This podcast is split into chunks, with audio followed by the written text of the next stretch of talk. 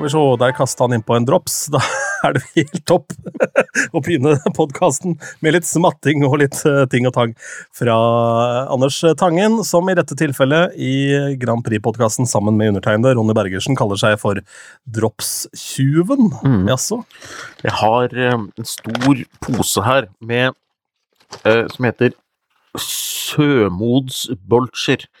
Handmade since 1891, Copenhagen, Denmark. Eh, og dette er liksom sånn uh, By appointment to the Royal Danish Court. Og de skryter at de er leverandører til den danske konge... Eller dronningfamilien. Og så vi var inne i den fabrikken i sommer og kjøpte drops, og dette har jo jentungen min gått og gleda seg veldig til. Og nå har pappa rett og slett tatt hull på den og sitter og gomler i seg disse dropsene uten at hun vet om det.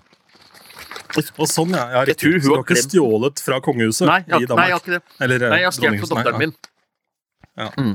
Heter det forresten fremdeles kongehus? Det heter vel strengt tatt heter det, det heter jo ikke dronninghus? Men det er dette jeg lurer på. Uh, uh, det kongelige Nei, dronning... Dronningbolet? Jeg vet ikke hva de kaller det. Nei. ja, ok. ok. Nei, jeg vet. Ehm, jeg har jo da Når vi først er inne på litt sånn uh, av hvert, da, så har vi jo tidligere i høst snakket om fårikål, som du er glad i, og som da dine Din familie ikke syns er så stas, særlig pga. lukta. Mm. Jeg har nevnt at det samme er tilfellet med min bror, som eh, misliker den lukta sterkt. Men jeg kom over her østlandsvarianten av fårikål som heter gris i kål. Rett og slett hvor man bruker da svin. Ok. Eh, Har du noe forhold til det? Eh, nei, det har jeg aldri hørt om heller. Det høres jo mer sånn sentraleuropeisk ut, for det er sånn jeg eh, ville tro jeg kunne blitt servert i eh, Minsk i Hviterussland. Men eh, nei, jeg har ikke hørt om det. Ja, sånn, ja. Nei, men jeg tenker jo det må jo sikkert være dritdigg. da, Ja. Langtidskokt uh, svinenakk eller et eller annet uh, godsaker nedi der. Det er jo ikke noe gærent i det. Det er jo Egentlig så er jo fårikål en dansk rett. Så gåsikål. Det, ja? Mm. Egentlig kommer det fra Ja, gåsikål, faktisk. Det er jo Hva er det du sa nå? Altså, Egentlig er fårikål en dansk rett som er gåsikål. Altså Så fårikål er norsk, men gåsikål er dansk, er det du sier? Ja, ja. Har dropp seg godt til huet på deg, Tang. Jeg har eh, et spørsmål til, og dette gir ingen mening hvorfor jeg stiller dette, men um, Fins det kefir lenger, tro? Ja, eh, det finnes. eh, jeg har fulgt Eller er det det som bare nå heter kulturmjølk? Har de bare bytta navn for godt, liksom? Å ja, sånn, ja. Det Jeg bare prøver å henge med i populær, populærkulturelle fenomener, og ikke lov å le på hytta syns jeg faktisk er litt morsomt. Og der har de begynt å bruke et begrep som kalles å kefire noen. du kefirer meg. Og det er at du da tvinger den andre til å drikke et glass kefir. Ok, Og kefire ja. Eh, Så der bruker du i hvert fall referansen kefir, og da drikker de noe som de kaller for kefir, men om det egentlig er kulturmjølk, at det er de som kaller det kefir fordi de er gamle, det kan godt hende, men dette er jo Det er jo hippe, kule kjendiser som blir invitert på absolutt alt mellom himmel og jord, dette her, så Som noen var- insisterer på er morsomme, liksom. Min uh, morfar var ivrig kefirdrikker, det var da en av hans favorittdrikker jeg tok med meg videre. Det var da Blå Farris. Den eh, fikk jeg til morfar. Uh, Blei fostra på det der. Ikke så mye kefir i ettertid etter at uh, godeste Arne Eng gikk bort for ganske mange år siden, altså, det må jeg innrømme. Det er ikke noe jeg går til. Nei.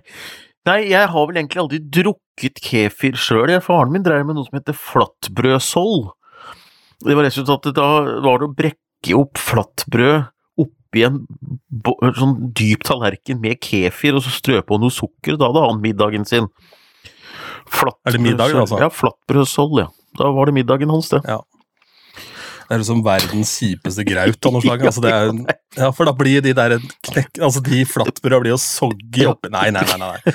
Jeg må, jeg må bare slutte med. Jeg har uh, Dette er garantert noe som du har vært borti mange ganger, men jeg har jo da måttet ta den ekstraturen på butikken, hvor du bare har glemt noe. Må svinge innom en annen butikk. Og det er jo stort sett greit, for eh, ofte så er jo det man glemmer noe sånn Bare noe til middagen eller et eller annet. Men jeg hadde glemt på en måte litt sånn store, viktige ting da, som skiller seg ut i handleposen.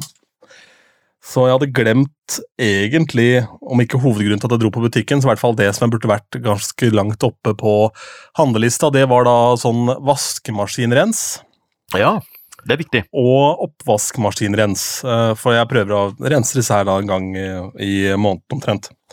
Og så var begge tomme, og så tenkte jeg faen, nå er det lenge siden jeg må vaske noen puter og noe greier. Og så, ja, dette må jeg rett og slett bare få gjort nå. Um, og det er litt fordi jeg hadde en sånn vannlekkasjevariant, for det røret bak i vaskemaskinen hadde hoppa ut, så det bare rent utover det. Uff og. Da var det så mye håndklær som gikk med der, så det var utrolig mye dritt rett og slett, som var da i øh, vaskemaskinen. Og så sto jeg ved denne hylla her da, og fant fram det jeg skulle ha, og så så jeg i tillegg at det har kommet en ny WC-blokk.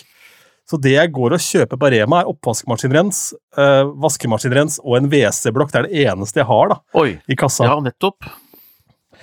Og så tenker jeg litt over den handlekurven, hvordan den egentlig ser ut. Jeg veit ikke helt hva som foregikk oppi hodet hans. Nei, du blir jo han veldig, veldig rare. Uh, for det første så veit jeg ikke det, Eller, det spørs.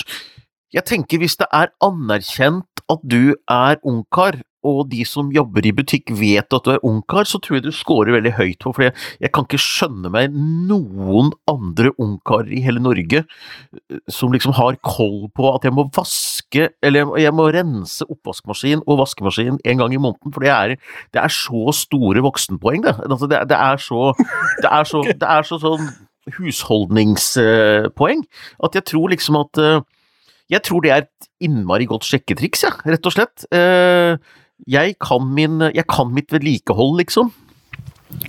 Ja, altså, jeg burde rett og slett valgt den andre kassa, ikke han herremannen som jeg treffer deg ganske ofte når jeg kjøper Fjordland. For han, Nei. Jeg ville ikke valgt han han. spurte å, ikke noe mer, sa han. For han regna med at det var noe mer handling på Og så tenkte jeg skal jeg gå inn i det og forklare han at det er ekstrahandling og sånn, men så blir jeg litt sånn at jeg, jeg føler meg utro mot den butikken jeg ofte handler på. da, Ja. For er jo, jeg bor jo på Leirsjøen. Ja. Dette er jo Rema 1000 på Åråsen, som jeg da har som min hovedbutikk. Men så hender det at jeg er litt sånn småutro med med da den som ligger oppe på Skedsmo- Skedsmo-senteret der. Og hovedgrunnen til det er at de har fremdeles denne her. Solo Super sommervarianten oh, på tilbud nå. Hva? Sommerbrusen. ja, hva er det som er forskjell fra vanlig Solo Super? Bortsett fra at det boksen er er blå. eple- og mangosmak. Oh, Eple og mango. ja. Og den har de på tilbud der oppe i sånne sixpacks til 50 kroner, eller hva det er for noe. Så tenker jeg det liker jeg jo, så da er jeg oppom der og kjøper det fra tid til annen. Og da tar jeg resten av handlinga der også, men så jeg aner ikke hvorfor jeg glemte alle disse tre tingene. Men det er ikke viktig heller. Det, Nei da, det er ikke viktig i det hele tatt, men det er gøy. Og jeg, eh, apropos drikke, jeg har jo vært på vinsmaking i kveld, jeg. Eh, på aperiti- Aperitif, som har sånn eh, kurs i vinsmaking. Det var veldig koselig. Eh, traff kjentfolk og satt der og koste meg. Og der kom de blant annet De satte Det var et veldig morsomt opplegg. Alle skulle være med via Mentimeter og stemme fram den vinen vi likte best av ni. Og så skulle vi også gjette hvilken av vinene, vinene som var dyrest, for det var én vin blant de ni som kosta 2300 kroner flaska. Vi fikk jo bare et sånn liten, liten Men det var veldig morsomt, satt vi og diskuterte hvilken vin er det og sånn. Men midt oppi alt dette her, så satte de jo par, da. To eh, liksom spanske opp mot hverandre, to franske og så videre. Og der hadde de en moldovisk vin som var satt opp mot en blandingsvin med druer og blanding fra Georgia, Moldova og Ukraina. Og det var, det var veldig kult, og den heter Freedom Blend. Og der, den koster en 300 kroner på polet eller noe sånt nå. Hvis man kjøper den flaska, så bidrar man nesten utelukkende til å hjelpe internflyktninger i Ukraina. Så da har vi samlet inn en sånn, ja, tre millioner kroner så langt, tror jeg. Så jeg har aldri hatt så god samvittighet noensinne, jeg, Så å drikke vin. Ta, ta, tar en skål for flyktningene, og, det, og, og vin koster sikkert ikke 300 kroner egentlig, men altså, det er en sånn måte å støtte på, da. Så det var, eh, ja, det var veldig gøy. Det var veldig, veldig gøy. Jeg gjetta selvfølgelig den riktige, måneder, som var den dyreste. Var- alle monner drar, Ja, sa Tangen og helte i seg glasset. ja, det er viktig å bidra. Men klarte du å smake forskjell da, på den Ja, jeg, og de andre? gjorde det, altså. Det var ikke så vanskelig, det, egentlig. Men eh, det var, Jeg, det var gøy. jeg har ikke noe sånn veldig ut, velutvikla vingane, må jeg innrømme, men veit jo Altså, det er ikke helt på fattigmannsting. eh, Og så kjenner du da litt forskjell på regioner og sånn, men hvordan smaker man at en vin er eksepsjonelt dyr? da? Hva er det som Nei, det er det at den er jo for det første ganske sånn kompleks, da. Altså den, den lukter mer Ja. enn én ting. Eh, og så er det at smaken sitter lenge i munnen, og at den er eh, litt sånn moden, og at, at, at det skjer noe hele tida. Det er ikke én svølg i munnen, men at den utvikler seg også i munnen, at du kjenner at det skjer, det skjer veldig mye. Eh, så det er veldig gøy. Men, men det er jo et eller annet med Det er litt sånn som du og DJ-ting. altså feinschmeckeri når det gjelder overganger og tonearter og sånt, nå er det ikke sikkert at jeg hører, men den som kan noe om det, hører det. Og dette er jo en gjeng som melder seg på sånne ting. Så, så er man interessert i vin og, og har lært noen sånne grep, da syns jeg at det er litt gøy, sant. Så mm.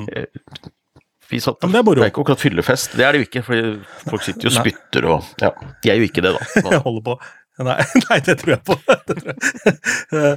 Men eh, så Ja, og så er det vel da ofte med at det er flere elementer og mer kompleks, så blir det ofte da tyngre, da. Så det er vel ikke en vin du sitter og nipper og lett, lettdrikkelig. Sånn sett, da. Men det var morsomt, hun Men, som um, hadde kurset, jeg husker ikke navnet hennes, men jeg husker hva hun heter på Instagram. Veldig kul jente, og jobbet på Maemo og Noma i København og sånn. Eh, Noen og 20 år, kan jeg tenke meg. Kjempekul dame. Hun er på Insta under navnet Speltlompevin. Det syns jeg er et fantastisk det, Det er et fantastisk Insta. Insta-navn når du er Ja, i og- vinverdenen og skal være litt jålete. Speltlompevin. Det syns jeg er helt fantastisk. Om du mot formodning har glemt det, så er det en link til uh, hennes profil da, under her i de såkalte shownotesa våre. Det syns jeg vi skal gjøre. Um, vi skal legge ut speltlompa der. Uh, vinlompa sådan. Jeg um, var uh, Når jeg snakker med deg nå, så kom det vel ikke inn noe hund Hunndalen her akkurat i praten nå i starten her, men jeg var på bensinstasjon på på Lørenskog, og der jobba det ei jente fra Gjøvik. Så koselig. Uh, For der kom det fort en vart, gitt. Som smetter inn i ny og Ja, vart. Ja, dialekt. Ja, Ja, ja. vi hadde en prat på jobben her om dette her med dialekter som blir borte. Eh, og hvorfor den eh, forsvinner og sånn. Og så hørte jeg når Trygve Slagsvold Vedum la fram statsbudsjettet. Og det er jo gode og dårlige nyheter i et sånt statsbudsjett, men han gjorde akkurat samme trikset som Sigbjørn Johnsen, at når du legger fram dårlige nyheter, så er det bare snakk om å legge det ordentlig bredt på, for det blir så koselig når du kutter i budsjettet at du gjør det på totning, for da må det være noe i det. Han prata jo konsekvent ølløv, og det likte jeg Ja. veldig godt. Det var jo, Du må, måtte ha sufflør på statsbudsjettfremleggelsen den gangen. ja. Var litt sånn den der lange, flate Ballar-filmen som måtte tekstes i Oslo, for det var så tung Fredrikstad-dialekt. Helt fantastisk. Vakkert. Skal vi se, skal vi sveive i gang noe Grand Prix-news, da? Eller? Kan vi godt. Eh, Du har hatt bobletreff siden sist i eh, boblegruppa, eller Grand Prix-gruppa? Ja, vi har hatt bobletreff. Det var jo veldig, veldig koselig. Eh, Da satt vi jo på Cæsar og satt der og skravla litt om forventninger, og det er jo litt sånn autotune-diskusjon blant annet nå, da, fordi eh, eh, Stig Karlsen er ute og rir igjen og sa at han trodde det kom til å bli autotune også i Eurovision. Eh, han har sagt det i en podkast også nå, da. Så han, eh, han begynner å bli den nye Christer Bjørkmann som på en måte går ut og mener ting, i hvert fall blir sitert på det. Og i den forbindelse ble han også spurt om dette snitselgreiene sine igjen, i den der podkasten. så, så, så det er noe med at snitselen har liksom nesten gått viralt, da. Eh, Så det er jo helt fantastisk. Men eh, i hvert fall så når det gjelder denne autotune-diskusjonen, så, så er den så knallhard. Det er så mange som er så sinte på at autotune skal eventuelt innføres også i Eurovision. Og jeg skjønner egentlig ikke det helt, fordi for meg er ikke det enten et av eller på, det er en knapp på lydmikseren som kan hjelpe en vokalist litt, og det er jo andre knapper der, det er klang, det kan være feser, altså lyd, det kan være masse effekter du bruker for å hjelpe stemma di litt, og at det skulle gå et sånt helt klart skille. Du kan bruke alt, til og med innspilt vokal, sånn som Finland gjorde, men grensa går akkurat ved autotune. Det skjønner jeg ikke, fordi det er jo så mye som er mye verre, eksempel innspilt vokal. Men eh, autotune betinger i hvert fall at du synger live, da, så det syns jeg egentlig er eh, helt greit. Ja, jeg tenker også at det er veldig naivt å skulle prøve å stoppe det i 2023. Altså, altså det, det toget har gått for lenge siden. Det brukes uh, mer eller mindre alle konserter. altså, Ja.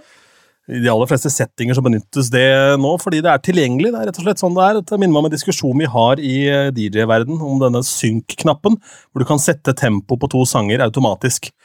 det er jo ikke det det handler om å DJ. altså det handler, Og det er samme med autotune, det handler om å ha en god låt i utgangspunktet.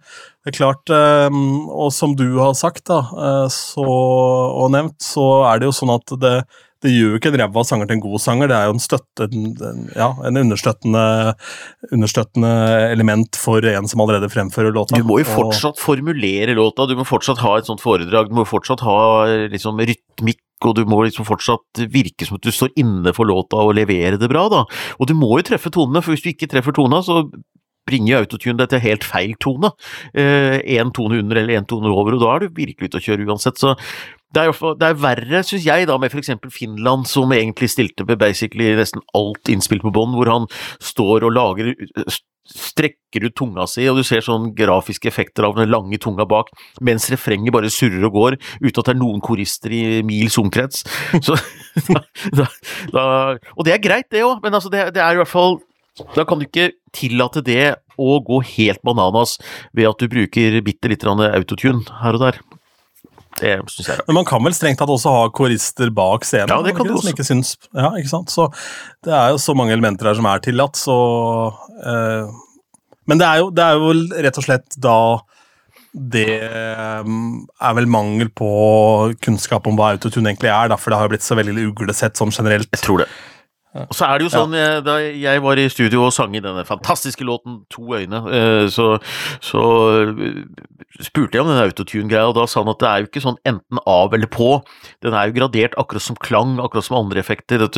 Noen bruker mye, noen bruker lite, og bruker du mye så høres det veldig rart ut, for da får du den der mekaniske stemma. Så noen ligger på 10, noen ligger på 19, noen ligger på 36, noen ligger på 40, og hvis du begynner å komme på 50, så er det visst veldig, veldig heavy autotuned, og, og, da låter det ikke bra, og da blir det ikke fint for noen. Da, så det er ikke et hjelpemiddel du bare kan sette på, og så synger du reint. Du, du, du, du får bare litt hjelp. til å Da får du et share-effekt hvis du drar på for mye, ikke sant, med Believe. Ja, da må du velge det, ikke sant. Mm. Og det er også greit. Absolutt. Hvis folk vil ha det, så stemmer de på det, liksom. Men det er eh, Nei. Dette er en nydelig overgang til, eh, til en artist jeg tror ja. nå stiller ja, på startstreken i 2023. Du tror det? For hun bruker neppe autotune, nemlig. For uh, da hun deltok i Idol i 2004, Jaha. så fikk hun beskjed om at hun sang for pent. Ok. Hun har gått videre da til uh, rett og slett uh, klassisk Ja, hva kaller man det, da? Altså, ja, om ikke det er opera, så er det i hvert fall det å bli en klassisk dyktig sanger, da. Den damen her som jeg snappet opp via våre roboter, og nå kan jeg jo legge da til grunn samme taktikk som du bruker. For denne jenta her som heter Jeanette Krummen, har begynt å følge meg i sosiale medier. Um, og hun er ute med en ny låt, flytta til, uh, til Vestlandet, Stavanger-traktene, i løpet av pandemien. Ble nummer uh, nei, endte i semifinalen av Norske Talenter 2019. Vanvittig god sanger. Uh, og begynte å skrive egen musikk da når hun kom til Stavanger og oppsøkte da liksom nærområdene der. og nå er hun da ute med en ny låt som er produsert av gjengen på Rena, gitt. Uh, og til Radio Atlantic, uh, morgenshowet der, så sier hun at den store drømmen er da Melodi Grand Prix. Uh, og forteller at hun føler at hun er godt rigga for det. og ja, det tror jeg gjerne at hun er. Og Den låta er ute nå. Den nyeste låta hennes den heter Et steg av gangen, og det handler om da tiden etter Norske Talenter. hvor hun kanskje føler seg litt tom og har egentlig da noe å fare med i denne bransjen her, men så blir man jo ikke helt kvitt det da likevel, da. Så, så ja da, her skjer det ting. Hei på deg, Jeanette Krummen. Hun er jo uh, en vi kjenner veldig godt i bobla og rundt omkring, og følger oh, ja. podkasten vår, så jeg bare lot deg snakke, snakke og presentere den, for jeg var litt spent på hvordan en som ikke kjenner henne så godt fra før, hvordan presenterer henne. Det var veldig, veldig bra. Nei, Jeanette Krummen er uh, har lenge vært en del av fanmiljøet i Grand Prix også, og har et veldig nært forhold til MGP, så jeg tror jeg hadde Jeg unner henne veldig å få det til, for når du har så lyst, og du har jobba såpass mye med det uh, Hun har jo vært med på Har levert flere låter, hun, som so,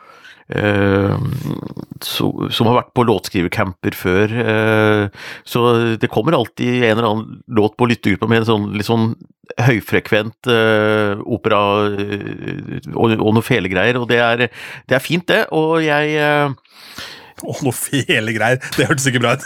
Nei, hva skal jeg si? Høyere, høy, noe høyfrekvent opera og noe fele greier. Altså Tangen, da. Nå må du gi deg. Nei, men Det er, det er ikke sånn at det ene utelukker det andre. Nei, nå, nå, ble, nå ble kan ha stor, flott stemme og lage popmusikk. Se på Adele, se på Céline Dion. Nei, Nei, slutt, da. Nå ble det fælt, men altså, det var ikke det jeg mente. Men, men Jeanette, hun, hun, hun, går veldig høyt, da. I, og, og det er Ja. hennes varemerke at hun har liksom disse høye, høye tonene. Og så er det noen felegreier der. For dette er, det er For det er ikke alltid en felesolo, eller, men altså, det er alltid noen felegreier på låta. Skal knikkes litt. Åh, ja, nei, eh, vi får se, da, vet du. Nei, men det, var, det er jo gøy. Og, Men det triste ja, Jeg må bare si at det triste er jo Jeg har jo fortalt om én sånn låt som jeg virkelig eh, fikk under huden fra lyttergruppa, som jeg også fikk jeg den tilsendt av noen hyggelige folk som jeg gikk og hørte på og hørte på, og, og kjente liksom vinnervibesen komme, og dette her er så bra. Men nå har jeg fått vite da av interne folk som kjenner vedkommende, at øh, vedkommende har fått et sånt øh, avslagsbrev på grått parti fra Stig Karlsen, så da er den ute. Så det var den sjansen Ja. til å vinne Eurovision 2025. Og tenk deg vedkommende har blitt gira fordi du, du har heia på de og sånn, og du som kjenner miljøet Ja, ja. Nei, uff. Da er det refusert. Ja.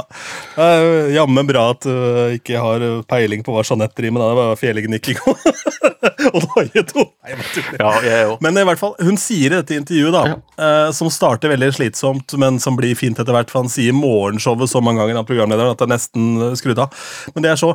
eh, så sier hun at uh, hun har jo vært gigafan lenge, og da hun var hos barnevakten, så satt de bare på VHS-taper av gamle Grand Prix og Eurovision-finaler. Så var jo hun helt okkupert uh, i lang tid. Så det er jo veldig morsomt, da, og det hadde vært gøy å å få, um, få um, oppfylt uh, den drømmen for hennes del. Da. Ja da, og hun har vært veldig supportive også til min, mitt prosjekt. Hun syntes det vært veldig gøy, så eh, Men vi skal jo da eh, Vi må vel avvente og se da om hun dukker opp på lista her, men hvis hun da mot formodning skulle være, være blant de utvalgte, så får vi se hva vi gjør med å ta en prat med henne. Men hvis hun eh, da, da ikke er blant de som blir annonsert da artisten annonseres, så kan vi uansett invitere henne med som fan og eh, ja, og fan, ja, rett og slett fan av konseptet. da. Men teoretisk så kan jo den låta En dag til, eller hva den heter for noe, uh, være med. fordi den ble jo gitt ut etter 1. september, så teoretisk så kan, uh, kan det være den låten. Ja, og ett steg av gangen. Steg av gangen. Lengden på den sangen, den er 2,48. Så det, i og for seg det, Vi veit jo det at det kan lurke og lirke noen låter rundt oss nå på radio og overalt ellers som plutselig er MGP-låter. Det er dette som er så gøy, ikke sant? At vi, vi aner, ikke, aner ikke hvilke det kan eventuelt være. Vi eh, Nei, vi aner i hvert fall ikke. Eh, og Tangen har jo mista ørene for hva som er inn og ikke, også, åpenbart. Nei, nei, her har vi vinneren. Nei, Den er refusert. Nei, men det, var, det, er, det er jo Stig som har bomma der, det er ikke jeg. Så det er greit. Oi, oi, hør på den. Ja, nei, men det er bra. Eh, gleder oss til å høre denne låta når eh, Eller jeg gleder meg til å høre den. Så gleder jeg meg til å høre, Det jeg gleder meg til å høre de 25 som har slått den også. Ja, er det nettopp, ja. Der kan du se. Absolutt. MTV Europe uh, Music Awards, der har jo da de nominerte blitt annonsert, og der er det jo VG slår jo opp at Alessandra Mele er nominert til pris. I denne podkasten så prater vi om Eurovision og Grand Prix, så jeg vil jo si at det er en eh, hele Eurovision-inntog i den kategorien Best Nordic Act. For i tillegg da til Sara Larsson, Swedish House Mafia, så er eh, alle de tre andre rett og slett eh, fra Eurovision. Det er Alessandra, Loreen og eh, Karja fra Finland. Men hva er en act da? Altså, er det et helstøpt nummer som framføres på en scene? Ja. Artist. Artist, ja. Artist. ja nettopp. Så istedenfor å si artist slash band, så sier vi act, som i Ja. altså uh, Act on Stage Tonight er da ikke sant? Det kan være Foo Fighters, og det kan være David Bowie. Eller han er jo kald, da, men uh, ja. Nei, for jeg trodde det var opptredenen, for da tenkte jeg at da er konkurransen ikke så stor, for det er jo ikke så mange show å plukke opptredener fra. Men hvis det er artisten med låt, så er jo Ja. konkurransen sinnssykt hard, og det er jo meningsløst stort at eh, at, eh, at vår venninne Alexandra er med der, men det er også ja, Alexandra uh, Jo, Alexandra. Alexandra. Alexandra. Men uh, at det er så stort Eurovision-innslag der, er supermoro for konkurransen, altså. Og, Helt klart. og det Og jeg tenker særlig da finske Karja, da, som på en måte For Loreen er jo et stuerent navn og et kjent navn fra før. Alessandra har jo da gått så veldig viralt. De eh, Mens Karja har jo egentlig bare eh, Eurovision eh, å spille på. Apropos Kerja, jeg lurer på hva han driver med, eller hva Yle, altså eh, finsk TV driver med, fordi at de har hengt opp noen plakater i Malmö som jeg har sett bilder av, hvor, eh, hvor det står et svært bilde av Kerja rundt omkring i Malmö, hvor det står The Wannabe Host City of Eurovision, Malmö, og så er, og så er det Kerja som står over. Om det er en slags hentydning til at det egentlig er Kerja og Finland som er den moralske vinneren, eller hva det er for noe, det, det vet jeg ikke, men det er noe, noe driver de opp ønsker på. Men det høres jo ut som en eller annen form for eh, ganske hard markedsføringstaktikk. da. Og det kan jo delvis fungere også, vil jeg tro, med en så momentalt forskjellig act fra alt annet. Ja, ja. Så Det er kjempegøy.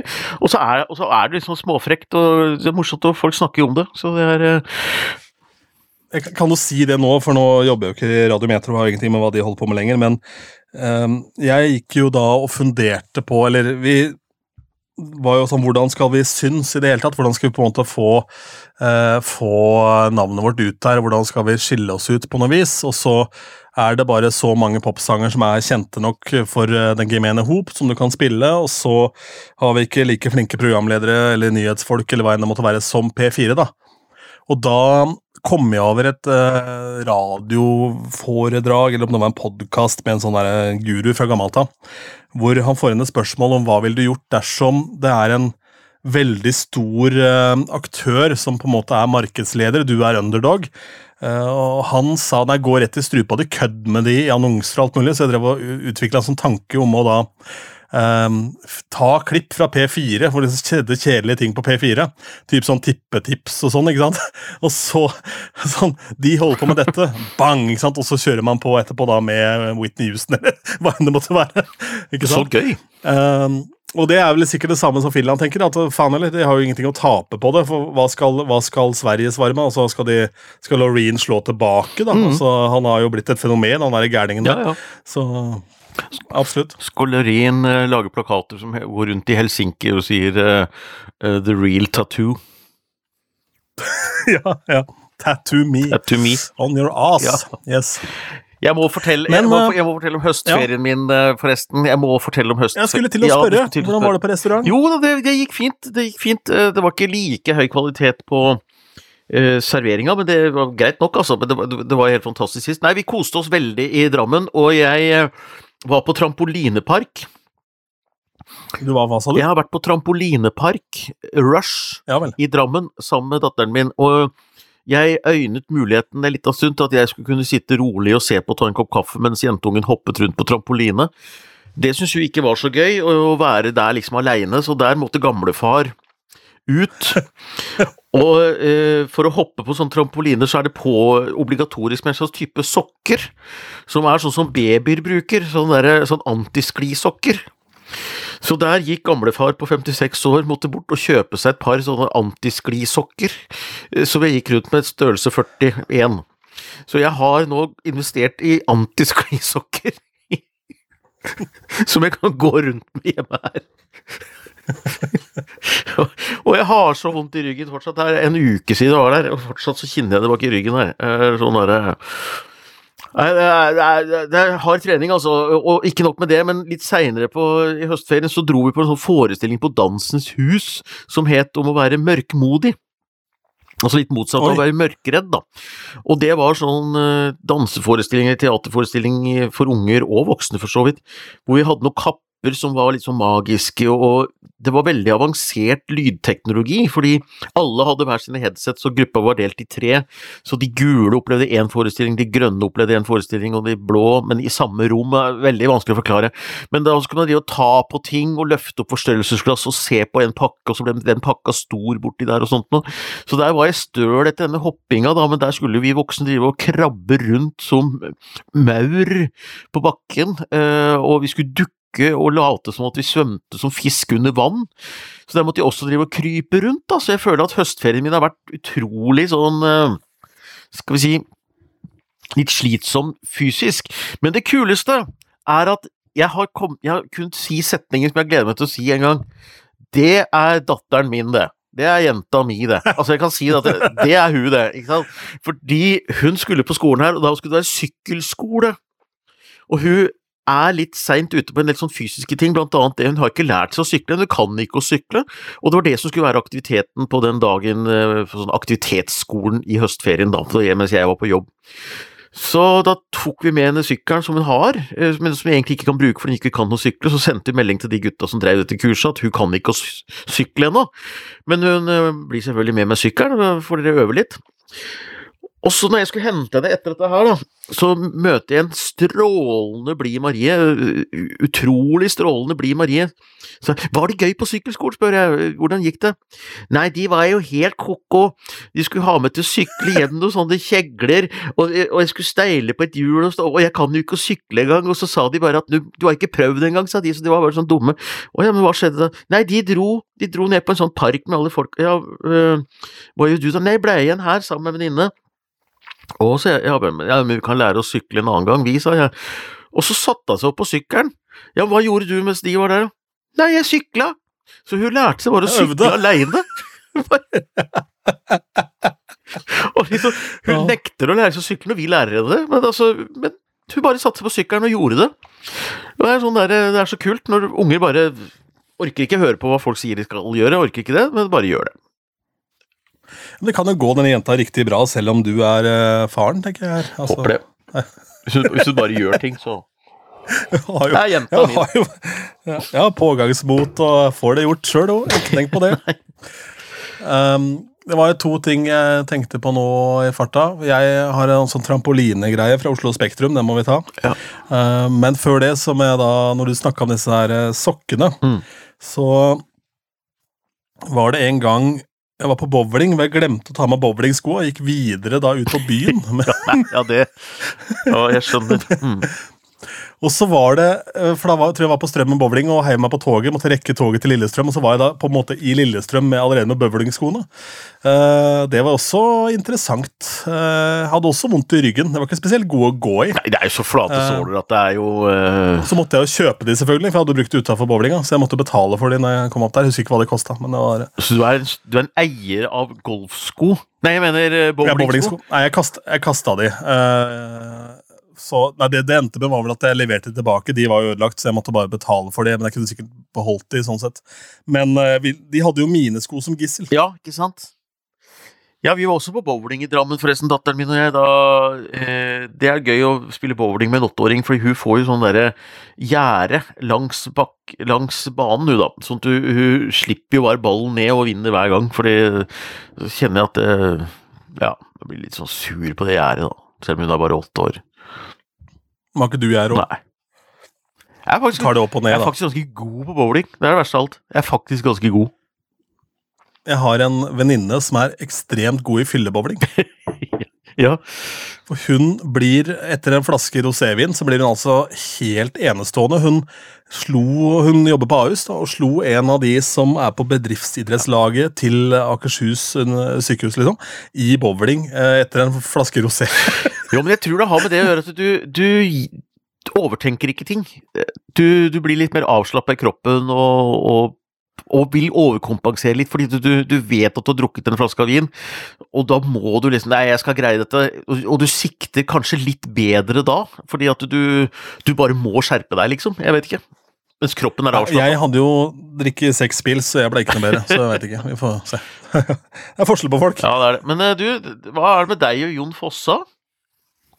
Du, det eh, skal vi avslutte denne podkasten med. Eh, men aller først eh, kan jeg si at apropos trampoline, så har jeg vært i Spektrum og sett femårsjubileet til Norges største underholdningspodkast, Berrum og Beyer snakker om greier. greier. det var jo gøy. Hvor da um, Lars Berrum skulle overraske sin kompis Martin Beyer-Olsen. Booka Spektrum et år tidligere. Eh, etter det så fikk jo da Altså ikke etter denne bookinga, men han ble jo utbrent, stakkar, eh, og greier, Martin. Men um, var i fin form nå, og de som hadde gleden av å åpne det hele, apropos trampoliner, det var da Viggo Venn. Ja. Um, og før Viggo Venn vant Britain's Got Talent og ble et uh, household name og en alle snakker om her i Norge, så kom det en pandemi til verden, og da ringte Ber- Berrum og Beyer til Viggo Venn, som da var på turné med et sirkus inni de finske skoger. Ok. Og han har tatt med seg disse finske klovnene nå, uh, og diverse akrobater til Spektrum. Og der var det noen jævlig flinke folk uh, som holdt på med trampoline. Og det var noen flagg som var rundt der. Det var en dame som fløy rundt på sånn hoverboard, som du står på, en sånn planke som bare suser av gårde. Ja. Med en vodkaflaske som drev og spytta i kjeften på folk rundt der. Så det var, det var interessant. Meget bra show. Jeg koste meg fælt med det. Um, Ordentlig god stemning. Men ja, skal vi se. Um, Jon Fosse han har jo nå fått uh, Nobels litteraturpris og greier. Helt riktig. Og Nå, um, noen jeg skrev vel til deg at det, mm. fra Jon Fosse til Jahn Teigen på 1, 2, 3, den så du ikke komme. Nei, Nei, um, Jeg jeg har jo ikke lest spesielt mye av Jon Fosse, for de som vinner Nobels uh, litteraturpris, det er ofte da materie som er litt tyngre enn hva jeg liker å fortære. kan være at de bare er funnet på. Fort mulig, fort mulig. Ja. Men han bor også i Statens kunstnerbolig Grotten. Ja. Og der eh, Dette her ligger jo da i Slottsparken, for de som ikke kjenner til, eh, til Grotten. Og den er jo brukt da som sånn kunstnerbolig eh, i nyere tid. Var Arnulf Øverland har bodd der, blant annet. eh, og Arne Norheim bodde vel der før eh, Jon Fosse tok over. Men han flyttet da inn i 2011, og i det momentet så jobbet jeg da i Radio Metro, og han som hadde metromoren der, Lars Eikanger, hadde en kampanje gående. Han hadde ikke noe gjennomslagskraft, så det ble vel ikke noe særlig ut av det, annet enn at, eh, at eh, Jahn Teigen selv anerkjente at det var morsomt, men han prøvde å få Jahn Teigen inn i grotta. Ok! For å ta over etter Arne Norheim, liksom? Ja, ja, rett og slett. Han mente at fader, det er altfor mye jåleri i den kunstnerboligen. Få inn noen som eh, virkelig har satt sitt eh, Ja. preg på herr og fru Norge. Få inn Teigen i grotten, da. Så da husker jeg at Lars hadde da, hadde da store, store kampanjer gående. Det var dessverre bare vi som var på den farsotten der. eh, Og det ble vel ikke noen stor hashtag på Twitter heller, som vel var toneangivende, i tillegg til Facebook på den tida. Nei. Så Nei da, jeg, jeg, jeg, jeg, jeg tror ikke Teigen anno 2011 hadde trivdes så godt i grotten heller, egentlig, for å si det sånn. Å, å bo der, at alle vet at der bor Jahn Teigen, eh, mell, altså rett nedafor Lorry, Kunstnernes hus, og rett overfor en eller annen pub, der bor Jahn Teigen. Den ringeklokka der, og, og de vinduene der, altså det, det Jon, Jon Fosse har ikke liksom, Det er ikke samme appellen å gå rundt og kødde med han, ringe på og stikke av, men eh, Jahn Teigen tror jeg hadde tror ikke han hadde fått sove et sekund i det huset der. Ble sunget mye min første kjærlighet utafor vinduet der. Ja. Tror du ikke? Jo, eh, eller ja. Nei, jeg bare kom på det i farta. Og så syns jeg det var en artig link Ja. fra, fra Jon Fosse til Jahn Teigen på 1, 2, 3. Det er veldig gøy. Det er Eh, veldig gøy. men, men det er gøy, da, med norsk vinner av Nobels litteraturpris. da, Det er Ja, men det er det. Jeg har ikke lest så mye av Jon Fosse, men jeg har alltid eller helt til jeg hørte om det teaterstykket, eh, jeg tror jeg hørte om det på 90-tallet en gang, så er det 'Noen kjem til å komme'. Jeg syns at det er så morsomt, for det er det er sånn gjentakende, det er sånn absurde greier, og bare gå og vente på Nei da, men altså, det, det kommer til å skje noe fint snart. Noen kommer til å komme, ja, det kommer noen.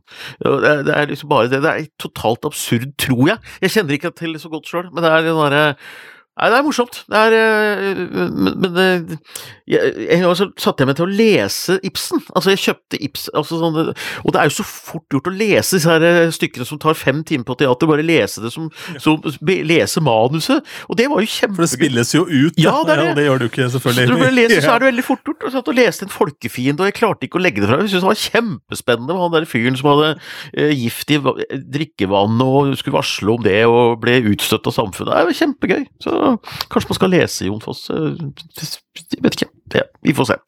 Er, er teaterstykket kanskje sånn at uh, der er faktisk uh, filmen, eller altså stykket, da, bedre enn boka? Altså Ja. Hvis du bare så du mis, mister en del av, av uh, historien ved å da ikke se det. Det tror jeg kanskje, altså. Men uh, Jon Fosse burde jo skrive litt Grand Prix-låt, vet du. Mye gjentakelser og refreng og sånn. Tror jeg ikke er nødvendig. Men uh, da tror jeg, vet, vet hva, hvis han skriver en Grand Prix-låt, så tror jeg de tar tilbake den, den litteraturprisen. Å, det hadde vært gøy. Nei, det hadde vært gøy, Jon Fosse. Gjør vel ikke det, da. Tenk deg Jon Fosse blir banna fra Nobelkomiteen fordi han har skrevet uh, Grand Prix. Ja, men jeg kan ta og fòre inn noe sånt på eh, en, en sånn KI-greie, altså kunstig intelligens-greie. Kan bare mate inn noe tekst av Jon Fosse og si eh, 'Make a Eurovision song out of this', får vi se hva som kommer. Hvis du har veldig veldig, veldig mye tid til overs og hører denne podkasten, så setter vi stor pris på om du gidder å ta den oppgaven. For jeg kjenner jeg Tangen undertegnede rett, så kommer ikke vi til å få gjort det på noe tidspunkt. Men det hadde vært utrolig gøy. Eh, Jeg skal se Kaizers på onsdag. Eh, En god venn av meg var og så det i helgen og sa at det var som å være i en aldri så liten menighet. Så jeg gleder meg til. Ah, så bra. De gjør jo nå, nå sin konsertrekke på Sentrum Scene. Jeg har fått flammeark, jeg skal ikke tenne på den nå, da, men nå har jeg fått disse her brennbare arkene. Pyro. Så jeg skal jo opp til, jeg skal jo opp til Trondheim og gjøre eh, Skjult teater og være konferansier på kvelden. Og da, når jeg skal være konferansier, så kan jeg ta fyr på dette her. Jeg har testa ett ark. Det er helt psycho. Det er så gøy. Det blir så varmt, men du brenner ikke fingra, og, og det blir bare borte i lufta. Ja, jeg skal ta og sende melding til, eh, til Janove og Kaizers og si at du har pyro hvis de har behov. Ja, gjør det. Herlig. Du har hørt Grand Prix-podden. Tusen takk for det, sier vi. Vi er tilgjengelige på e-post hvis du har noe på hjertet. Hei at grandprixpod.no.